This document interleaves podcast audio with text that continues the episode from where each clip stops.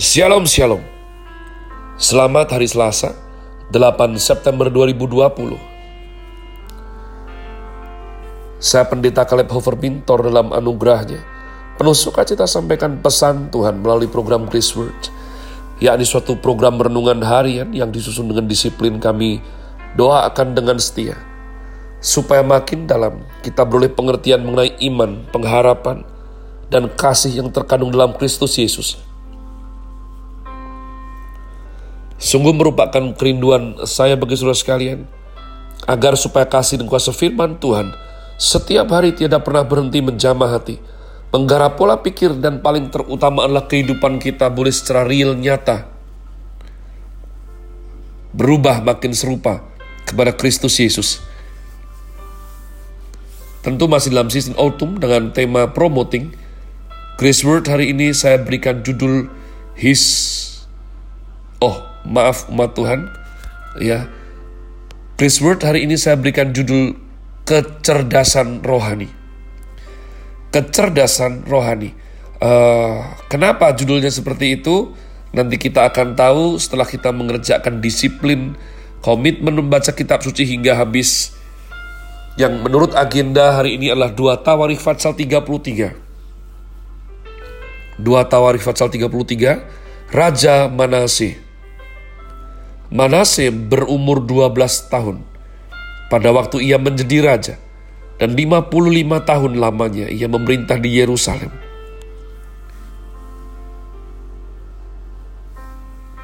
Ia melakukan apa yang jahat di mata Tuhan sesuai dengan perbuatan keji bangsa-bangsa yang telah dihalaukan Tuhan dari depan orang Israel.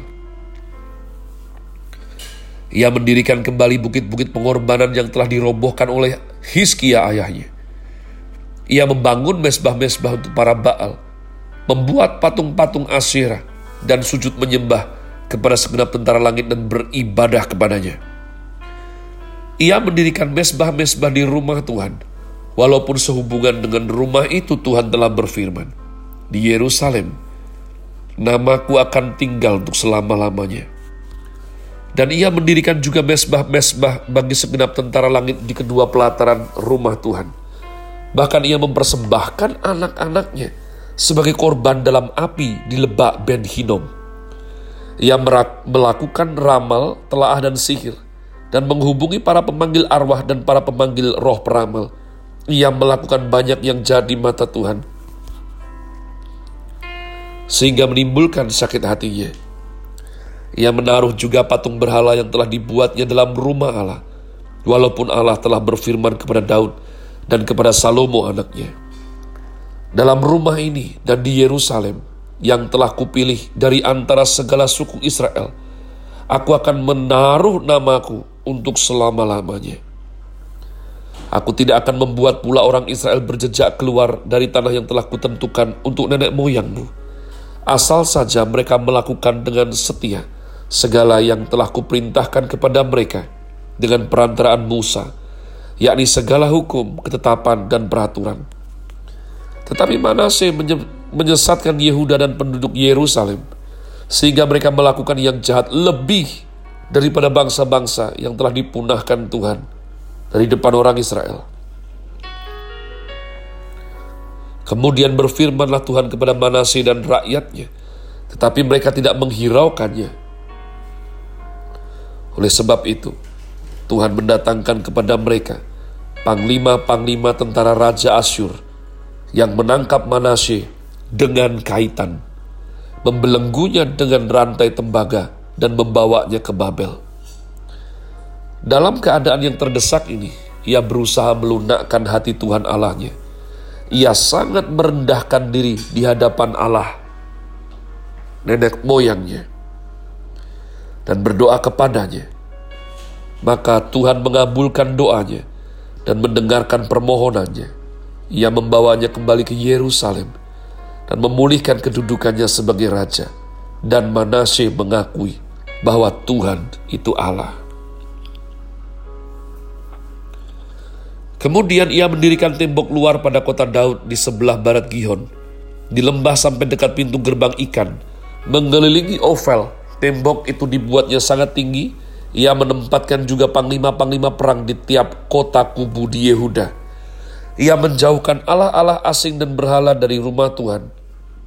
Juga segala mesbah yang didirikannya di atas gunung rumah Tuhan dan di Yerusalem. Dan membuangnya keluar kota. Ia menegakkan kembali mesbah Tuhan.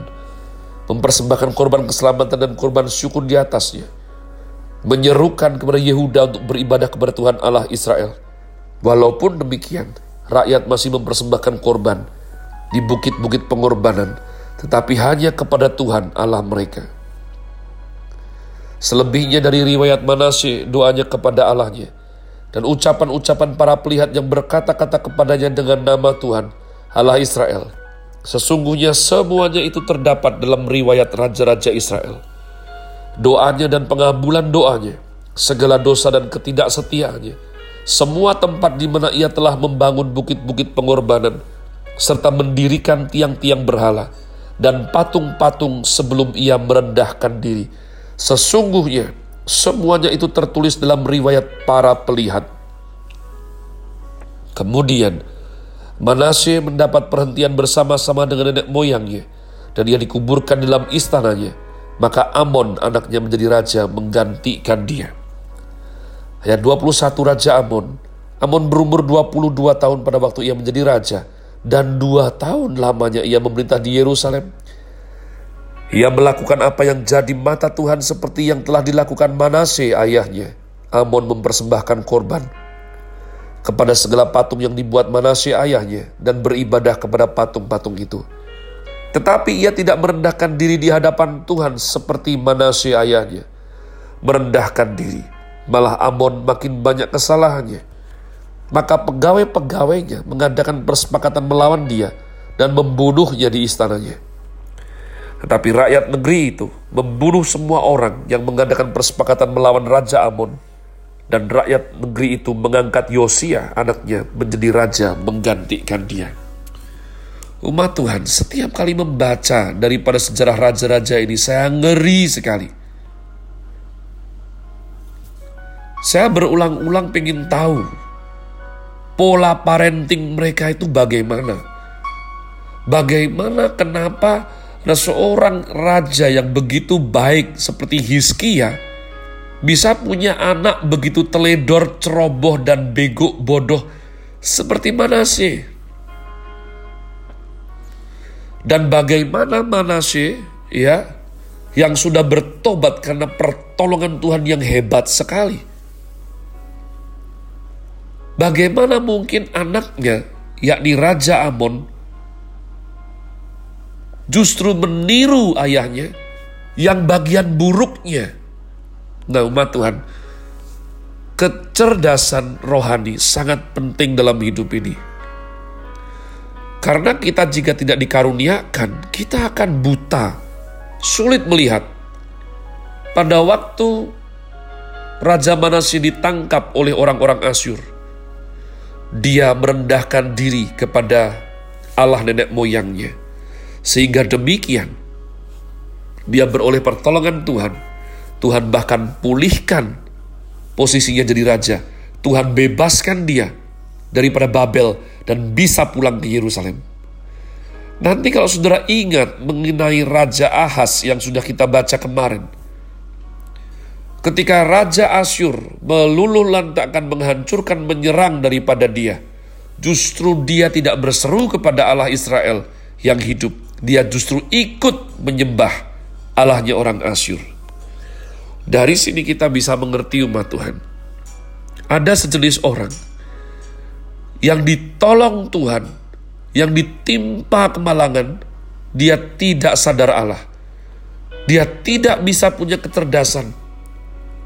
Sehingga dia tidak bisa tangkap orang yang membelakangi Tuhan. Pasti sial, pasti kalah, pasti hancur hidupnya. Orang yang melakukan apa yang benar di mata Tuhan, pasti disertai, pasti dibebaskan, pasti diberkati. Sejenis orang-orang yang tidak punya namanya kecerdasan rohani ini terus mengulang kesalahan yang sama. Terus. Apakah orang yang sudah percaya Tuhan, ya, dibangkitkan dikaruniai kecerdasan rohani yang bisa membedakan, terus tidak berbuat kesalahan, belum tentu.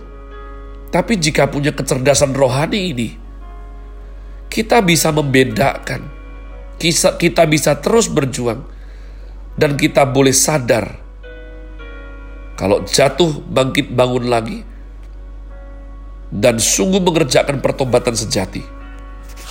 Maka saya berdoa, saya sekarang tidak berani menghakimi siapa pun. Sebab kita harus cukup sibuk bersandar pada roh kudus pastikan diri kita berkenan di hadapan Tuhan. Pastikan anak-anak kita takut dan sayang akan Tuhan Pastikan semua orang yang tinggal hidup di bawah atap rumah kita yang dikaruniakan Tuhan. Itu memiliki roh yang sama dengan kita, yakni roh yang sayang kepada Tuhan. Jangan sampai mit-amit keturunan kita.